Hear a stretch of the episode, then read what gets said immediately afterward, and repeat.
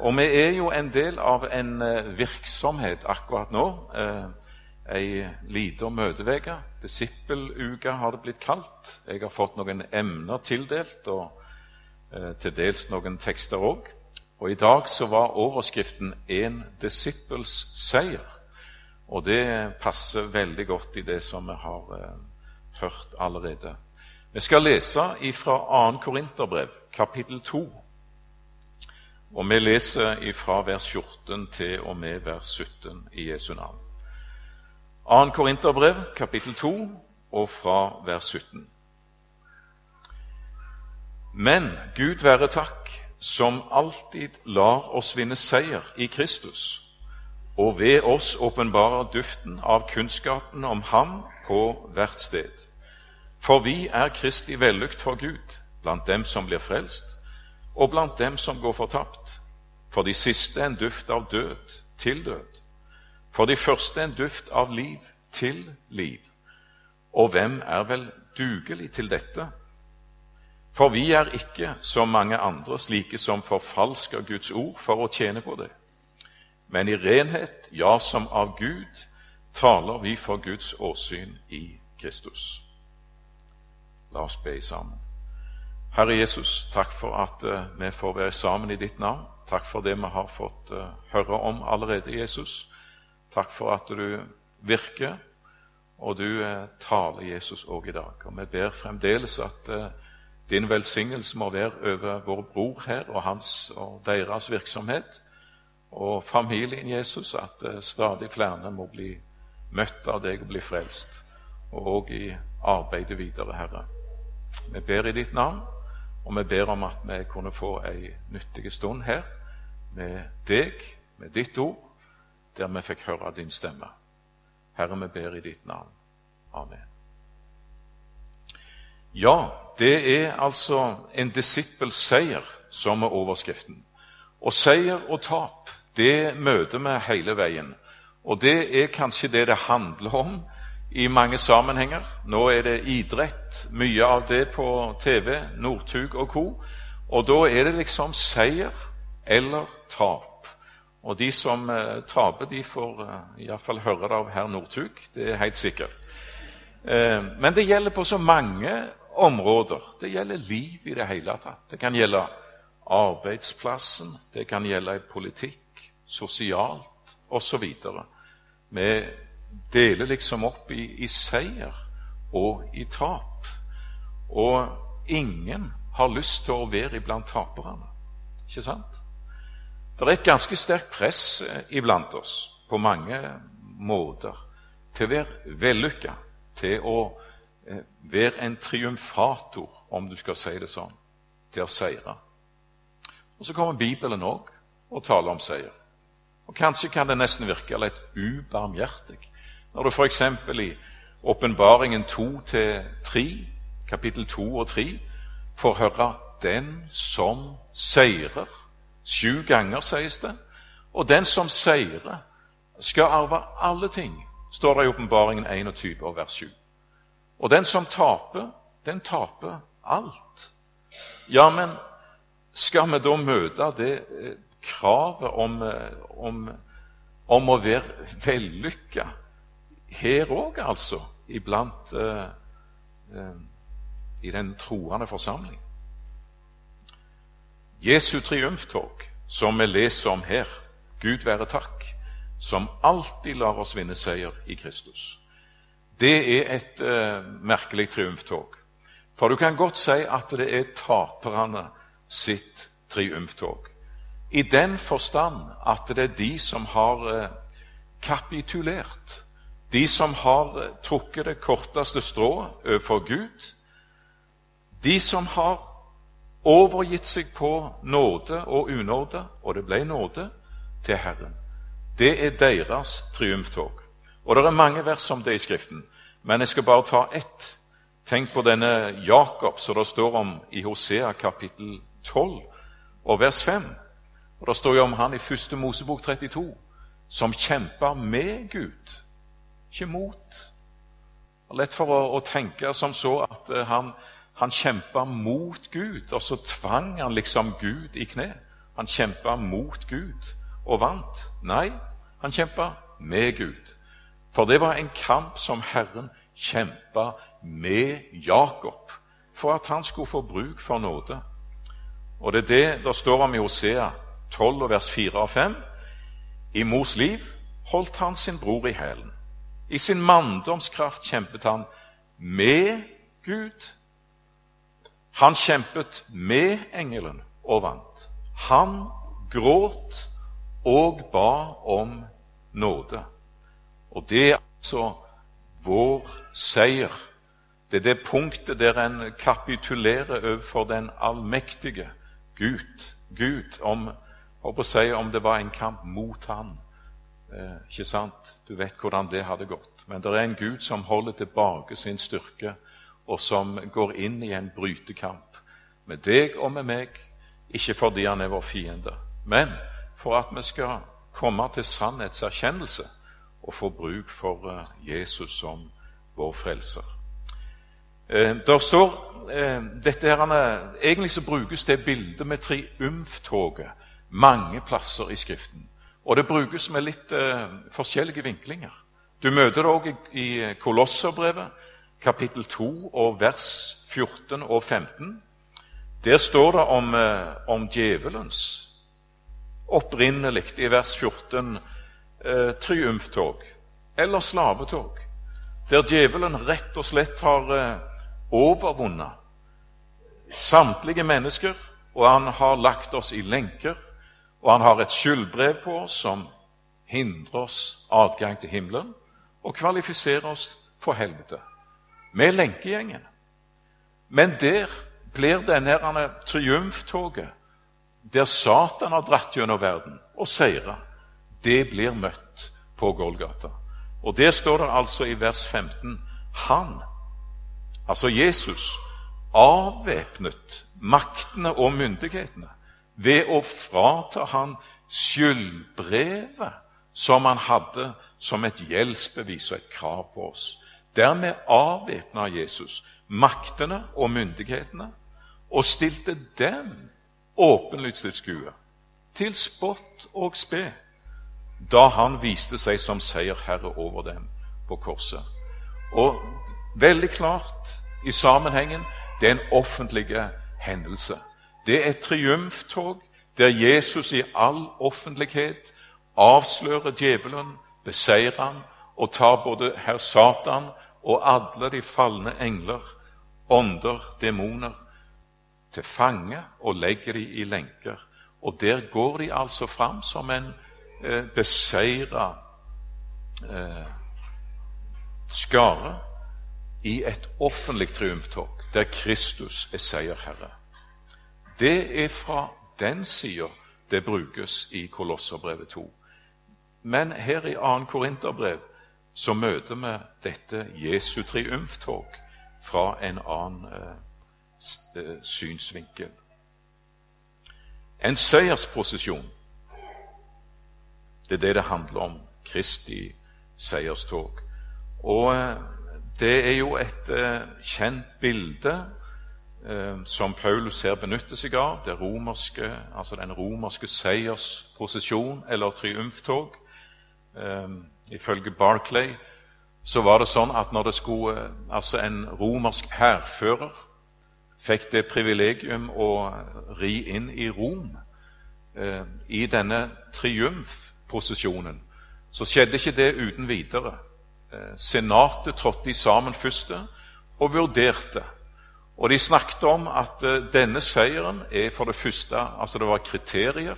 Det måtte være en definitiv seier, ikke en delseier, men en endelig seier. Det måtte være en seier av store dimensjoner, ikke en hvilket som helst seierherre som fikk ri inn i Rom eh, med, med, en seiersposisjon. Det måtte være dimensjoner over. Det måtte være endelig. Den måtte utvide Roms grenser sånn at du hadde erobra og fått et større område. Og du måtte tilføre rikdom, eh, trofeer, som øka Roms eh, totale kapital og formue. Og når alle disse forutsetningene var til stede, at seieren var av dimensjoner, at det var eh, stort heltemot, og alle disse ting var sammen. Da kunne Roms eh, senat si at eh, dette fortjener et triumftog. Denne hærføreren som nå returnerer fra slagmarka, han skal eh, bli den eh, privilegium til del å få eh, dra inn i sitt triumftog. Og Da var det mange instanser altså som var med. Da var, skriver Barclay, da var Senatet og eh, de store, viktige ledere i Rom de var en del av dette. herrene. Det var trompetblåsere som eh, blåste i sine trompeter. Krigsbytte som var erobra. Det skulle vises i dette seierstog. Så når Jerusalem ble inntatt i år 70, da var det visse ting som ble tatt med i dette seierstoget inn i Romas gater. Den syvarmede lysestake ble vist fram i all offentlighet. Ehm, dette her alteret av gull som, eh, som var erobra, det ble tatt med og vist fram. Disse gulltrompetene som ble blåst i når det gjaldt Israel, som var Israels signalgivere, det ble tatt med. Altså for å vise det ypperste som nå var erobra, og som var lagt til Rom sin formue. Det var det. De beseira deres ledere, deres soldater, de gikk i lenker i dette opptoget.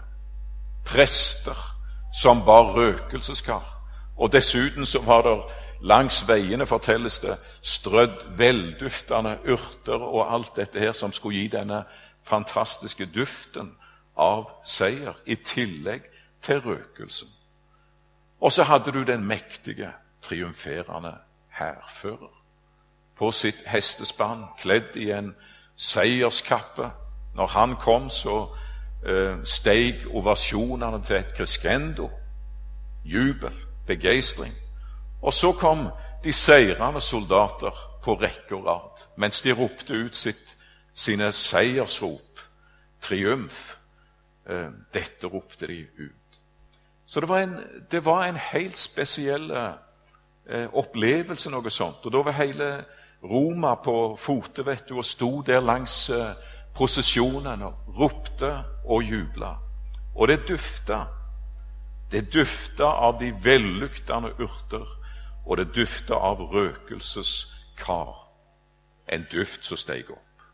Og det var en veldig, Hvis du hadde spurt de forskjellige mennesker da Hva syns du dette dufter?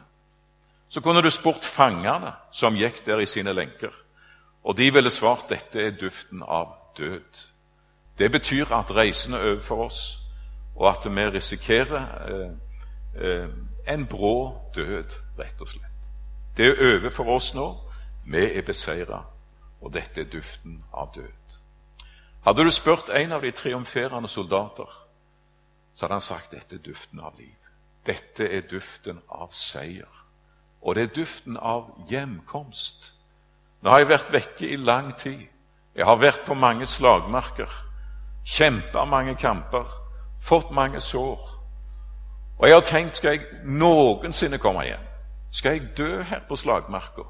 Kommer jeg til å få se mine igjen der hjemme?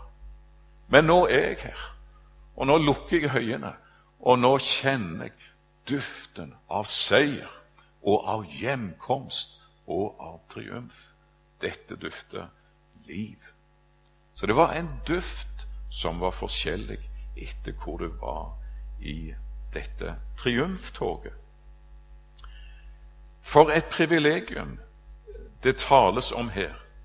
Gud være takk, som alltid lar oss vinne seier i Kristus, og ved oss åpenbarer duften av kunnskapen om ham på hvert sted. For vi er Kristi vellykt for Gud. Jesu seiersposisjon. Jeg har gått eh, forbi eh, Betania rett her oppe i hogget eh, flere, ja, fire dager nå. eh, på vei til Salem og for å preke. Jeg har tenkt mine tanker eh, på vei til møtet. Men jeg har òg jeg har kjent duften av seier, holdt jeg på å si. Og når jeg har rusla forbi denne plassen der jeg har sett andre mennesker i dag som samles i andre sammenhenger enn det som var for meg den septemberkvelden i 1976, når jeg hadde fått uh, forvilla meg inn på et møte der og sto øverst på galleriet i sammen med Martin, kameraten min. Eh, jeg kjente duften av seier. Den dagen ble jeg frelst. Jeg møtte Jesus. Og fra det øyeblikk så har jeg fått lov til å eh, nyte det privilegium å få lov til å være med i Jesu Kristi triumftog på jord. Det som går gjennom verden, og som mennesker sikkert de aller fleste ville sagt at hva er seier med dette? Er det ikke en gjeng med tapere som går gjennom verden på en sånn måte?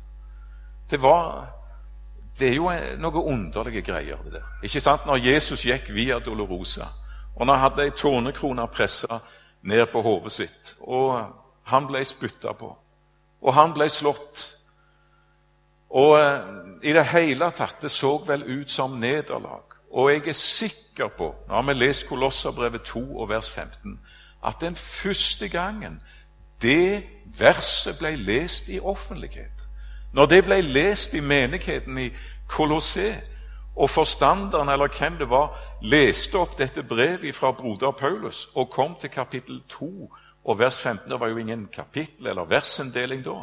Da tror jeg han stoppa opp og stussa. Og jeg tror kanskje at det, det var en broder der nede i salen som sa 'Stopp, vent. Kan du lese det verset en gang til?' Hva var det egentlig som sto der? Han avvæpnet maktene og myndighetene og stilte dem åpenlyst til skue da han viste seg som seierherre over dem på korset. Ja, det skar i alle, å si, alle sanser og alt det de tenkte og eh, var opplærte til. For de visste jo så inderlig godt hva et kors betydde, og hva korsdøden betydde. De visste at den som hang på et kors, han var avvæpna. Om han så hadde fått et sverd plassert i neven Han kunne ingenting gjøre. Han var avvæpna, hadde ingen våpen lenger. Han var stilt åpenlyst til skue til spott og til spe, avkledd, mennesker som går forbi, håna. Han som dør på et kors, han er den store taper. Og så tar liksom eh, Skriften og snur opp ned på alle begrep om logikk og tanke og sier at denne mannen, han seirer. Han er bevæpna på korset. Han avvæpner djevelen og hele hans ånde her. De stilles fram, og han viste seg som seierherre på korset. Der begynner triumftoget. Det begynner på Golgata. Det begynner der for deg. Begynner med syndenes forlatelse, og det fortsetter med syndenes forlatelse. Og det ender hjemme hos Herren. Der ender Jesu Kristi triumftog. Nei, det er ikke sikkert alle i verden ser den store seier. Men dette er altså Bibelens virkelighet. Og dette er det privilegium et Guds barn har, å få være en del av dette store seierstoget. En disippels seier. Duften, ja. Mye å si om det. Nå blir det litt spredt i, i dag. Men eh, det er en duft for de fortapte, står det, som dufter død. Det er en duft for eh, de frelste. Det dufter liv til liv. Ikke sant? Her var det en som fikk eh, ta imot, og nå sprer duften seg i familien. Til liv. Liv til liv. Det er sånn det virker i Guds rike. Noen gir evangeliet videre. Det som ble til liv for deg, det blir til liv for andre. Og det er Kristi vellukt, eh, sier ordet, som sprer seg. Ja, Gud sjøl kjenner denne duften. Gud sjøl kjenner denne duften. Og det er Du kan si det er egentlig et merkelig eh, sammenheng, for eh, vi leser her om Kristi triumftog, seiersposisjon. Og vi har vel en viss eh, interesse av å vite hvor er det vi er plassert i det seierstoget. Hvor er det vi går henne? Nå bruker Bibelen mange ord om, om, eh, om, hva det er å være et frelst menneske. Men jeg merker meg jo det at de aller fleste kommentarer og bibelfortolkere de, de legger dette i det at i denne sammenheng så står det om å være en fange i, eh, i eh, dette triumftoget. En fange. Det er flere bibeloversettelser som eh, presiserer akkurat det. At det er det det handler om. At han alltid fører oss som fanger i sitt seierstog, skriver Hedegaard. Som trofeer står det i eh, en annen bibeloversettelse, i Amplified. Og flere av disse bibeloversettelsene de eh, forkynner dette, at den plassen vi har i dette bestemte seierstoget, det er som fanger. Eh, underlig, Paulus. Det var ikke akkurat det vi hadde venta av deg. Men igjen så, så, har du det der med at eh, Bibelen tar eh, et velkjent begrep og snur det på hodet for disse fangene i de normale seierstogene, de gikk imot sin død. Det var en duft av død. Men her snakker Paulus om noen jublende fanger som aldeles ikke går imot sin død, men imot seier, og er en del av dette seierstoget. Jublende fanger. Ja, det er iallfall døden for gamle Adam vi går imot, og det kan du godt eh, nevne i den sammenhengen. Det er døden for eh, gamle Adam, men det er livet for den som hører han til. Og det er heller ingen tvil om at Bibelen taler på forskjellige måter om det å være frelst. Og det er forskjellige oversettelser òg når det gjelder dette eh, bibelordet i 2. Korinterbrev 2. Eh, noen, de fleste, omtaler det som fanger i Kristi triumftog, og andre legger gjerne vekten på å legge litt inn i det som soldater. Og det er jo helt sikkert at uh, i det øyeblikket du tar imot Jesus, så blir du ikke bare en fange, ikke bare Herrens frigitte, men du blir òg en Jesu Kristi stridsmann. Og du går inn i den hæren som en aktiv stridende. Dessuten så har du òg plass som prest i det seierstoget. Kongelig presteskap, og plutselig så er du rykka fram håper jeg, i Senatet òg, og er med der i dette triumftoget. For han har gjort oss til konger og til prester. Så det er et underlig triumftog som går fram imot himmelen og gjennom denne verden. Og poenget med dette, det er denne seier vi har i Jesus Kristus, og vi som vi skal få lov til å være med og utbre i denne verden. For at kunnskapen om Ham, står der, skal spres til ethvert sted. Men Paulus, du tar ikke munnen litt for full da, når du skriver 'Gud være takk', som alltid lar oss vinne seier i Kristus. Burde du ikke vært litt mer forsiktig? Burde du ikke skrevet som 'av og til'? Lar oss vinne seier i Kristus. Eller 'nå og da'?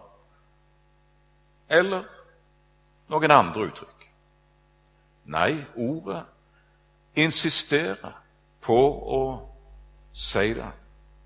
Det som står, og det står som det skal stå. Gud være takk, som alltid lar oss vinne seier i Kristus. Din seier er i Jesus. Og det er veldig sant, i alle fall for min del. Og jeg tror eh, sånn var det for den enkelte, og det kjenner vi til fra både Peter og Paulus og hele gjengen. Personlige nederlag, det opplever vi på så mange fronter. Og vi opplever personlige fall. Og eh, disse ting, det kjenner vi til. Men poenget er altså det. Sjøl i dine fall og sjøl i dine nederlag så blir du ikke sparka ut av Kristi seierstog. Og så må du liksom frelses inn igjen. Nei, til og med i det øyeblikket når du falt, og når du ble såra, og disse vonde ting skjedde, så har du retten til å være i dette seierstoget for Jesus skyld. Og det er det som er så godt og så vidunderlig med denne frelse. At det er en frelse som rekker, ikke bare i dine gode og fromme øyeblikk. Men vi har nevnt det før om kveldene. Jesu, Hans Sønns blod, som renser oss uavbrutt fra all synd. Når du ber om renselse, ja, men til i fallet. Og nettopp den sammenhengen der i 1. Johannes 2, 1 og 2 og 3, den er så fin. Kapittel 2, når det presiseres det at om noen synder, altså personlig nederlag, da har vi en talsmann hos Fader. Jesus Kristus den rettferdige. Og han er en soning for våre synder. Altså, i syndeøyeblikket presiseres det. Det er ikke foten i baken og så ut av seierstoget fordi en falt, og så inn igjen. Nei, du får lov for Jesus skyld å være en del av dette seierstog, på hans regning, fordi Jesu blod renser uavbrutt ifra synd. Og du er dermed en Kristi vellukt for Gud. Det dufter rent av deg. Det dufter himmel for Gud, av hans barn. Kan, er det i det hele tatt noe som kan bli mer skittent enn et lite barn? Jeg vet ikke om jeg har sett noe skitnere noen gang enn et lite barn. Utrolig hvordan de kan grise seg til. Mat, søle, snørr, hele pakken. Putt en sånn en liten kravat i, eh, i, badestampen, og du vasker det, og ikke sant? Det er mors og fars glede og beste foreldres glede for de av oss som er kommet i den eksklusive kategori. Det er ingenting så dufter så vidunderlig som en sånn en liten nybada krabat. ikke sant? Du løfter den opp. Det dufter rent. Det dufter så godt. Det er ingenting som kan sammenlignes. Og et Guds barn har det privilegium å være uavbrutt nybada og nyrensa i Jesu blod. Vi er en Kristi vellukt for Gud. Så noen lukter død når de møter Kristi triumf, og andre dufter liv. Og Gud sier det dufter himmel av mine barn. Det dufter renhet. Hva er poenget med Jesu triumftog? Med, nå hopper jeg her. Det, dette manuset har, har jeg overhodet ikke noen kontakt med lenger. Bortimot. Jeg skal prøve å finne igjen en tråd eller to. Eh, vi vil juble over din frelse og løfte seiersmerket i vår Guds navn. Det står der i Salme 20 og vers 6. Seiersmerket, ja, det vet vi hva er. Jesu kors, den tomme grav. Hans banner over meg er kjærlighet. Høysangen 2 og vers 4. Det er det flagget som veier over et Guds barn. Poenget for dette triumftog gjennom verden ære sin hærfører, sin konge, utvide himmelrikets grenser. Det var, det var, det som var et av kriteriene for at det skulle bli et triumftog i Rom.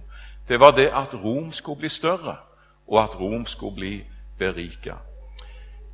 At uh, duften om Han, duften av Jesus, skal altså spres på hvert sted på denne jord. At evangeliet skal forkynnes for de Jesus døde for. Sånn at nye kan bli frelst og få komme inn i dette triumftoget. Jeg tenkte på til slutt Jeg så han for meg i dag når jeg så med dette i full fart eh, og prøvde å skrive ned. Jeg så for meg en tapper Herrens soldat, en god broder som jeg møtte en plass jeg var på møte. Jeg møtte han flere ganger. Hadde fellesmøter der. Eh, siste kvelden var kommet, og predikanten skulle rekke en båt, så jeg var Møtet var over, innbydelse, alt dette herrene, og hadde dratt. Og står der i huset der jeg, skal, der jeg bor til vanlig. Jeg jeg kommer akkurat ned trappene med bagasjen. Døra står åpen ut, og så hører jeg en bil som kommer susende i full fart. Nokså krappe svinger rett der ved, og en smal vei, så det gikk rimelig fort. Og jeg hørte bremsene som hvinte, og at han skrensa inn på, inn på innkjøringa, rett og slett, foran huset. Og jeg burde kanskje forstått at det var en broder fra Frie evangeliske, for han kjørte nokså fritt og evangelisk der og da. Det var han det var. Og han, jeg hørte der jeg sto inne, at han ropte 'Er Magne her?' Ja, han er her ennå, sa de. Ja, jeg må snakke med altså. Og jeg kommer ut der, og jeg ser en mann som er så glad at han ikke kan stå stille. Han står rett og slett og tripper og hopper opp og ned. En slags eh, dans. Han er så lykkelig, den mannen. Hva var det som hadde skjedd? Jo, det var det at eh, alle var gått. Eh, bønnerommet var tomt, og alt var Og så står han igjen der, noen få eh, andre som er i salen. Og så ser han ei ung kvinne som sitter der i benken for seg sjøl. Og han går bort til henne og snakker med henne. Og hun bare rett på sak spør tror du jeg kan bli en kristen. Ja, sa han, det kan du bli. Og så hadde de bøyd kne der i sammen og hadde hatt en jubelånd. Hun hadde fått ta imot Jesus, og så hiver han seg i bilen etterpå og kjører av gårde og må eh, snakke med predikanten og få rapportere dette. Og så står han og tripper der. Du, der er en lykke. Vi er på hjemvei, og vi skal hjem, og det blir så mange store gleder som venter der hjemme hos Herren. Når vi toger inn i denne tri triumfprosesjonen. Og det er egentlig veldig mye mer å si om dette. Mange flotte vers vi skulle hatt med. Men det er én glede som faktisk bare kan oppleves her på jord. Det er én glede du ikke får oppleve i himmelen. Det er én glede som bare kan erfares her på jord, og det er gleden ved å føre et menneske til Jesus. Det kaller Herren oss til, og det var altså det som var formålet med Kristi triumftog på jord. Kunne vi være med og få gi evangeliet til noen av de han døde for? At vi kunne få være med. Vi har hørt om det i dag. Herre Jesus, vi takker deg for ditt triumftog. Takk at jeg òg skulle få lov til å være en del av det, Jesus. Så forunderlig at det slik er det. Og Herre, måtte vi få lov til å oppleve at det var noen vi fikk føre til deg og vinne for deg i løpet av den tida vi hadde her. Amen.